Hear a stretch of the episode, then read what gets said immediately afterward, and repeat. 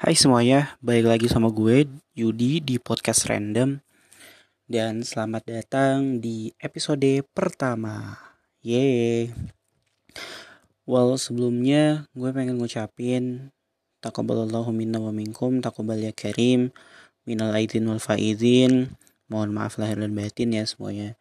Semoga amal ibadah kita yang kita udah upgrade Yang udah kita tingkatin kualitasnya juga kuantitasnya Semoga senantiasa bernilai ibadah di sisi Allah Subhanahu wa taala. Dan gue juga ngucapin selamat berlebaran ya walaupun mungkin ini agak telat sih ya bagi teman-teman gue yang uh, yang muslim gitu ya yang menjalankan yang merayakan hari raya Idul Fitri. Sekali lagi mohon maaf lahir dan batin. Well, anyway di episode kita kali ini di episode pertama tepatnya gue pengen ngebahas perihal FYP Well, it's actually late I think, terlambat sedikit tapi gue pengen ngebahas ini dari segi uh, atau sudut pandang yang sedikit berbeda. Jadi kemarin itu ada um, konten di salah satu sosial platform sosial media yang sempat viral gitu ya, yang sempat jadi FYP. Nah kontennya itu berisi konten di mana orang ngebuat video terus dengan caption kurang lebih seperti ini. Selamat lebaran untuk kalian semua kecuali dalam tanda kutip nyebutin nama orang gitu ya. Kecuali si dia misalnya kecuali si Fulen semoga baju barunya kena uh, kuah coto misalkan atau kena kuah opor misalkan. Jadi intinya itu dia ngucapin selamat lebaran tapi pakai embel-embel sumpah di belakangnya gitulah ya. Kurang lebih seperti itu. Nah FYP ini atau konten viral ini kemudian dikomentarin sama salah seorang uh, konten kreator juga. Dan yang bikin gue malu sih ya yang komen ini adalah orang Kristen. Si konten kreator ini adalah Kristiani dan beliau uh, mengungkapkan sisi keresahan. Kenapa sih orang-orang ngucapin selamat lebaran tapi pakai embel-embel sumpah gitu? Beliau mempertanyakan gini. Beliau mempertanyakan menurut kita semua, menurut lo semua, lebaran itu apa sih? Padahal kan lebaran itu adalah hari kemenangan gitu kan. Hari kemenangan di mana kita berpuasa 30 hari, terus Allah kasih nih bonus di mana satu Syawal itu diperuntukkan untuk tidak berpuasa. Mulai lagi untuk tidak berpuasa gitu kan. Sunnahnya kan di hari raya itu adalah membatalkan puasa, tidak berpuasa. Nah, dan ada sunnah lain yakni mengucapkan uh, doa-doa seperti yang gue ucapin tadi di awal gitu kan minal aidin wal faizin dan lain sebagainya. Atau mungkin uh, dari segi kultural kita kita sering tuh ngucapin selamat hari raya Idul Fitri gitu kan. Nah tapi sayangnya ada embel-embel sumpahnya. Jadi terkesan kayak lu tuh ngerayain apa? gitu kan. Lu tuh pengen ngucapin ungkapan kemenangan atau gimana? gitu kan. Kenapa ada embel-embel sumpahnya? Nah gue eh, nggak uh, nggak pengen ngejudge sih ya terhadap orang-orang yang membuat konten-konten itu. Ya ya kan bebas gitu kan. Ini kan negara demokrasi dan kita juga diberikan hak suara untuk melakukan sesuatu untuk uh, ngungkapin sesuatu baik itu di platform sosial media di dunia nyata ataupun di media apa pun itu gitu kan. Nah tapi gue menarik tapi ini menarik banget gitu. Kenapa menarik? Karena gue keinget sama satu cerita yang uh, lumayan apa ya lumayan viral juga sih dulunya. Jadi cerita ini tuh uh, pernah gue denger dan gue suka banget sama cerita ini karena lumayan nampar gitu kan? Lumayan nampar banget dan memberikan uh, banyak hikmah bagi kita. Nah ini sudut pandang yang pengen gue ceritain tadi di awal terkait dengan FVP ini gitu. Sampai sampai kan kan agak aneh gitu ya kenapa sih sampai sampai orang-orang yang mohon maaf nih ya orang-orang non muslim tuh sampai ikut komentar gitu perilaku perilaku muslim saat ini gitu kan. Jadi kesannya tuh kayak hey this is actually the the moment of victory. Ini adalah momen kemenangan. Tapi kok saling nyumpah saling nge-hate speech gitu kan dan sebagainya. Nah cerita ini sedikit relate sama uh, cerita yang tadi gue maksud. Jadi gini kita mulai cerita aja kali ya well, ceritanya itu dilakonkan atau diperankan oleh salah seorang mufti atau mungkin kita kenalnya sebagai guru besar gitu lah ya, profesor gitu kalau di Indonesia mah. Seorang mufti dari Universitas Al-Azhar Kairo, Mesir. Beliau bernama Syekh Muhammad Abduh. So, Syekh Muhammad Abduh ini kebetulan diberikan tugas nih ceritanya gitu kan sama kampusnya untuk melakukan dakwah ke luar negeri. Nah, negara yang dituju oleh Syekh Muhammad Abduh ini adalah negara paling romantis di dunia. Coba tebak mana? ya tentulah ya. Negara yang dimaksud adalah negara Paris, Perancis. So, ketika sampai di Perancis, beliau itu di um, ditugaskan, ya, diamanahkan untuk melakukan safari dakwah gitulah ya namanya. Safari dakwah. Kemudian Beliau mulailah berdakwah hari demi hari, Jumat demi Jumat, bulan ke bulan, tahun ke tahun, sampai kemudian beliau mendapati jamaahnya semakin banyak dan semakin banyak, gitu ya. Well, ini suatu uh, suatu suatu hal yang sangat luar biasa. Well, ini tidak sampai di sini teman-teman sekalian. Lu harus cerita, uh, lu harus dengerin cerita ini sampai selesai, because this story it's gonna blow your mind, ya.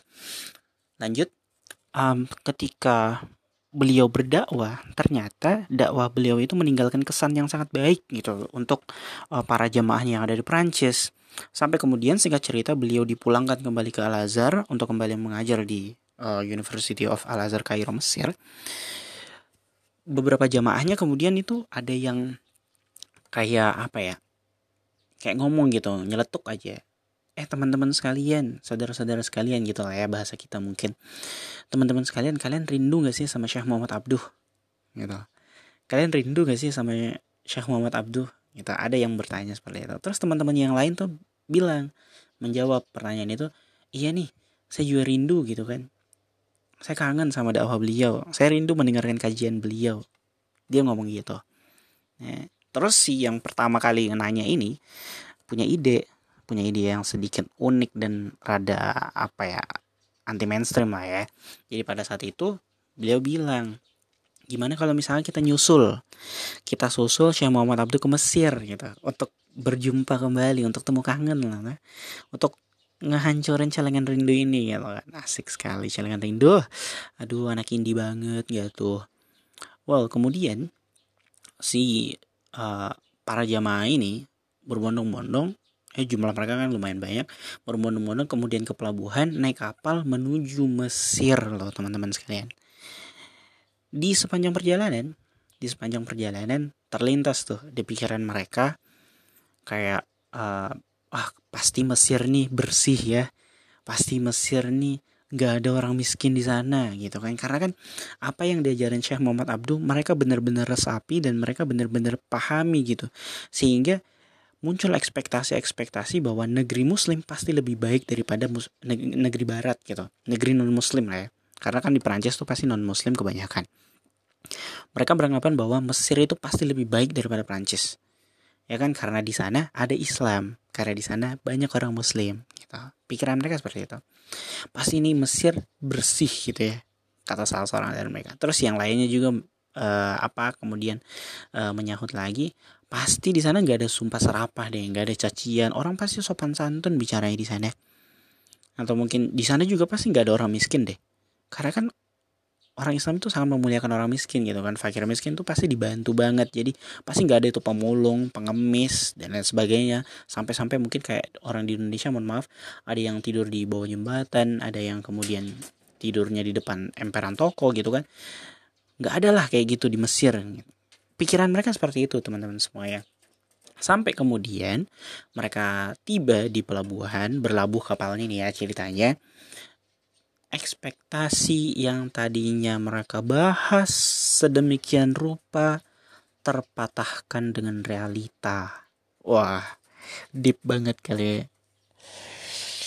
Tebak teman-teman sekalian. Ternyata apa yang mereka ekspektasi tidak sesuai dengan dugaan mereka mereka melihat sampah di mana-mana. Sumpah serapah terdengar di telinga-telinga mereka. Orang-orang miskin terlantar dan terlihat seperti ya tak berdaya gitu. Apa yang kemudian dia di dipahami atau mungkin apa yang kemudian yang sebenarnya diajarkan oleh Syekh Muhammad Abdul kepada mereka kenapa tidak sesuai pada realitasnya padahal Mesir itu adalah negara Islam Mesir itu merupakan negara yang mayoritas muslim atau mungkin semuanya muslim gitu kan. Ya gue juga nggak tahu sih sebenarnya Mesir itu Islam 100% atau mungkin ya mungkin kayak di Indonesia gitu kan 80 sampai 85% I don't know for sure actually. Tapi yang jelas Islam berkembang di Mesir. Dan mereka sedikit kecewa. Para jamaah dari Prancis ini kecewa karena tidak sesuai dengan apa yang diajarkan oleh Syekh Muhammad Abduh. Kemudian tidak tidak sampai di situ kekecewaan mereka untuk me menjawab kekecewaan mereka gitu ya. Mereka sesegera mungkin mencari kendaraan lagi untuk kemudian berangkat menuju ke rumah Syekh Muhammad Abduh. Sesampainya mereka di kediaman Syekh Muhammad Abduh, mereka pun satu persatu nih teman-teman satu persatu kemudian mereka uh, me, apa ya mengadukan gitu ya. Mengadukan apa yang mereka lihat apa yang mereka dengar. Ketika mereka sampai pertama kali di Mesir. Wahai syekh satu-satu nih. Wahai syekh kenapa saya melihat sampah di mana-mana? Bukankah engkau mengatakan bahwasanya Islam itu mengajarkan kebersihan? Wahai syekh Kenapa misalkan saya mendengar sumpah serapah? Bukankah Islam itu menganjurkan kita untuk berkata baik atau diam? Wahai Syekh, kenapa banyak sekali orang-orang miskin yang terlantar di emperan kota? Bukankah Islam itu memuliakan fakir miskin? Ya kan? Nah, semua pengaduan dari semua apa yang mereka rasakan, mereka laporkan kepada Syekh Muhammad Abduh satu persatu. Cerita ini tuh bener-bener mind blowing dan bener-bener nampar banget di saat Syekh Muhammad Abduh ini ya seorang mufti Al Azhar itu um, mengutarakan satu kalimat untuk membalas semua pengaduan mereka. Kalimatnya itu benar-benar nyentuh dan benar-benar menampar kita semuanya. Perkataannya kayak gini beliau membaca pakai bahasa Arab gitu ya karena kan Mesir. Ya kali pakai bahasa Bugis oke okay. kalimatnya seperti ini. Al Islamu mahjubun bil muslimin. Gue ulang kali ya. Al Islamu mahjubun bil muslimin. Cahaya Islam itu ini artinya cahaya Islam itu atau hidayah Islam itu kerap kali tertutupi. So the Islamic value is covered by the Muslim itself.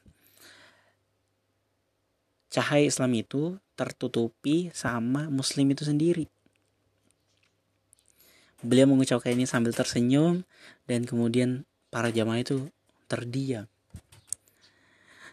Teman-teman sekalian, gue pernah nulis tentang cerita ini sebenarnya beberapa tahun yang lalu di salah satu platform media sosial gue dan kebetulan salah satu muridnya salah satu murid daripada Syekh Muhammad Abduh ini memberikan komentar ini luar biasa banget murid langsung dari Syekh Muhammad Abduh memberikan komentar di platform sosial media gue gitu di kolom komentar beliau sedikit memaparkan atau mungkin membenarkan meluruskan makna mahjubun atau makna tertutupi tercover yang diucapkan oleh Syekh Muhammad Abdul ini. Gitu. Beliau berpendapat bahwasanya al-Islamu mahjubun bil muslimin, kata mahjubun atau kata menutupi itu artinya banyak orang muslim tuh yang belajar Islam tuh dari permukaannya aja. Di permukaannya aja gitu. Jadi nggak sampai dalam, nggak nggak bersifat filsafat gitu ya, kayak ngegali sampai ke akar-akarnya gitu. Sehingga apa yang dilakukan pun kurang maksimal ya ibarat kata kalau misalkan kita berenang gitu ya kita nggak bisa berenang cepat kalau kita nggak pakai kaki katak gitu kan? Ya kita cuma pakai ya pakai baju seadanya gitu. Kita nggak pakai kacamata renang kita nggak pakai pin kita nggak pakai alat-alat snorkel ya. Sehingga berenang kita ya udah kita nggak bisa berenang lebih jauh dan kita nggak bisa berenang lebih dalam. Ya sama halnya kayak tadi tuh kata mahjubun diutarakan sebagai uh, bentuk bahwa muslim itu ya belajarnya cuman permukaannya aja sehingga tidak bisa menerapkan uh, substansi daripada keislamannya itu secara maksimal dalam kehidupan sehari-hari. gitu. Ini ini keren banget gitu. Nah ini sama halnya dengan pernyataan dari uh, Syekh Muhammad Abdi itu sendiri juga. Kata mahjubun itu ya kadang ada orang muslim contoh nih dia um, apa ya mungkin dia ngelakukan sesuatu yang ngebuat orang tuh salah kaprah. Lah kok kayak gini sih? Emang Islam kayak gini ya? Karena teman-teman sekalian gini. Gue kasih analogi. Di beberapa negara agama itu dikenal sebagai akhlak. Jadi semakin bagus akhlak lo maka semakin mudah agama lo diterima. Apa pun agamanya. Ya kan? Apa pun agamanya. Nggak nggak hanya Islam. Apa pun agamanya sekali itu disampaikan dengan cara yang baik disampaikan dengan cara yang santun maka itu akan diterima oleh banyak orang. Sederhananya seperti itu dan memang uh, sejatinya seperti itu gitu ya. Sehingga orang-orang itu akan uh, apa ya akan lebih mengena di hati mereka ketika kita menunjukkan perangai kita dibanding teori-teori dibanding perkataan kita gitu kan. Jadi sama halnya misalkan gini um, apa ya gue bingung juga sih kasih contohnya. Misalkan hmm, apa ya gini kenapa misalkan orang-orang di luar sana itu percaya bahwa Islam itu agama yang teroris? Kenapa coba? Karena di media dipertunjukkan ciri-ciri teroris itu pakaian seperti ini ini ini ini. Kan menunjukkan akhlak tuh. Pakaian itu kan menunjukkan akhlak gitu ya. Jadi representasi akhlak gitulah. Dari physically looking itu kita lihat dari pakaian akhlaknya di media para teroris itu digambarkan seperti orang muslim ciri-cirinya pakai jilbab, pakai cadar, ada juga yang pakai jubah dan lain sebagainya. Padahal mah kehidupan mereka sebelum melakukan tindakan teroris itu ya pakai pakaian yang seperti orang-orang barat, pakai pakaian yang ya pada manusia umumnya lah ya. Namun pada saat itu seperti uh, apa seperti orang Islam kelihatannya sehingga framingnya bahwa Islam itu agama yang teroris, agama yang kasar dan sebagainya. Sih. Nah, kemudian ada juga um, maka dari itu kenapa misalkan yang kalau kita uh, coba sandingkan dengan cerita FVP tadi uh, sayang banget gitu. Hari satu syawal hari kemenangan itu harusnya dipenuhi dengan syiar. Gitu kan. Gue sempat ngedenger um, apa namanya salah satu ustadz gitu yang uh, salah satu ustadz dulu waktu di pondok waktu di uh, perayaan Idul Fitri juga. Jadi beliau tuh mengajarkan bahwasanya sunnah yang dianjurkan, yang paling dianjurkan di uh, pada saat hari satu Syawal, hari raya Idul Fitri itu adalah membatalkan puasa. Artinya tidak berpuasa. Sunnahnya itu nunjukin kalau kita udah menang, gitu kan? Kita udah menang. Gitu. Jadi bukan sunnahnya itu memamerkan baju baru atau misalnya bikin konten di sosial media sehingga FYP dan sebagainya tidak. Itu bukanlah satu keharusan atau sesuatu yang dianjurkan. Boleh sih boleh tapi tidak begitu dianjurkan. Sehingga seharusnya yang dilakukan oleh orang-orang yang kontennya FYP itu ya seharusnya mereka bisa membatasi kontennya seharusnya tidak seperti itu karena sayang sekali hal tersebut bisa membuat Eh, orang-orang tuh menjadi salah kaprah sehingga menilai loh orang-orang Islam kok di hari raya malah saling nyumpahin? Ya gue tahu dan lu juga pasti tahu bahwa konten ini sifatnya bercandaan. Tapi ya kadang gitu kadang kita suka kelewat bercanda sampai-sampai agama pun dibecandain gitu kan. Dan ini um, it is something not good for me actually. Nggak bagus sekali gitu kan. Nah maka dari sini kita tuh kadang kalau misalnya kita ngedengerin tadi ya kalimat yang diucapkan sama uh, Syekh Muhammad Abduh itu kita tersadar nih. Terkadang tuh diri kita nih dinilai jelek ya bukan karena apa ya eh, hal-hal uh, yang sifatnya di luar daripada kita gitu tapi ya karena kita sendiri gitu kan. Orang bisa menilai Islam itu agama yang keras. Coba lihat deh banyak kan dari kita yang dakwahnya mungkin agak agak agak apa ya agak keras gitu yang kurang lembah lembut dan lain sebagainya. Terus juga kadang ada orang yang misalkan uh, nganggap kita itu agama yang kotor karena kita sering buang sampah sembarangan gitu kan. Kita nggak boleh marah dikatain itu. Malah memang kita harus tersadar dan berterima kasih kepada orang-orang itu karena udah menyadarkan kita. Maka uh, saran gue mungkin atau mungkin point of view dari gue tentang uh, konten viral itu ya mungkin sebaiknya tidak membuat hal, -hal seperti itu. Kalau memang kita pengen buat konten mengucapkan selamat hari raya idul fitri ya udah selamat hari raya idul fitri aja gitu. Gak usah sampai ada embel-embel uh, sumpahnya di depan. Karena bisa jadi ada orang-orang nih tertarik dengan apa yang kita lakukan gitu ya. Kayak contohnya non muslim nih tertarik pengen masuk Islam misalkan karena ngelihat akhlak kita seperti itu melihat sosial media kita yang sangat persuasif akan dakwah agama kita ya bisa jadi kan mereka bisa masuk Islam. Dan ini menjadi hidayah bagi mereka semua. Kan kita nggak pernah tahu right? Who knows kita karena hidayah bisa datang dari mana saja. Well kayaknya cukup sekian um, kisah random pembahasan random yang gue bahas pada episode pertama ini. Uh, gue lega juga akhirnya episode pertama rilis dan semoga ada episode kedua ketiga dan seterusnya. Well terima kasih sudah mendengarkan. Siapa pun kalian follow gue di Instagram. Ketik aja Yudi Muzamil pasti keluar. Dan um, terima kasih sekali lagi sudah mendengarkan dan sekali lagi mohon maaf lahir batin. Sampai jumpa di episode selanjutnya. Thank you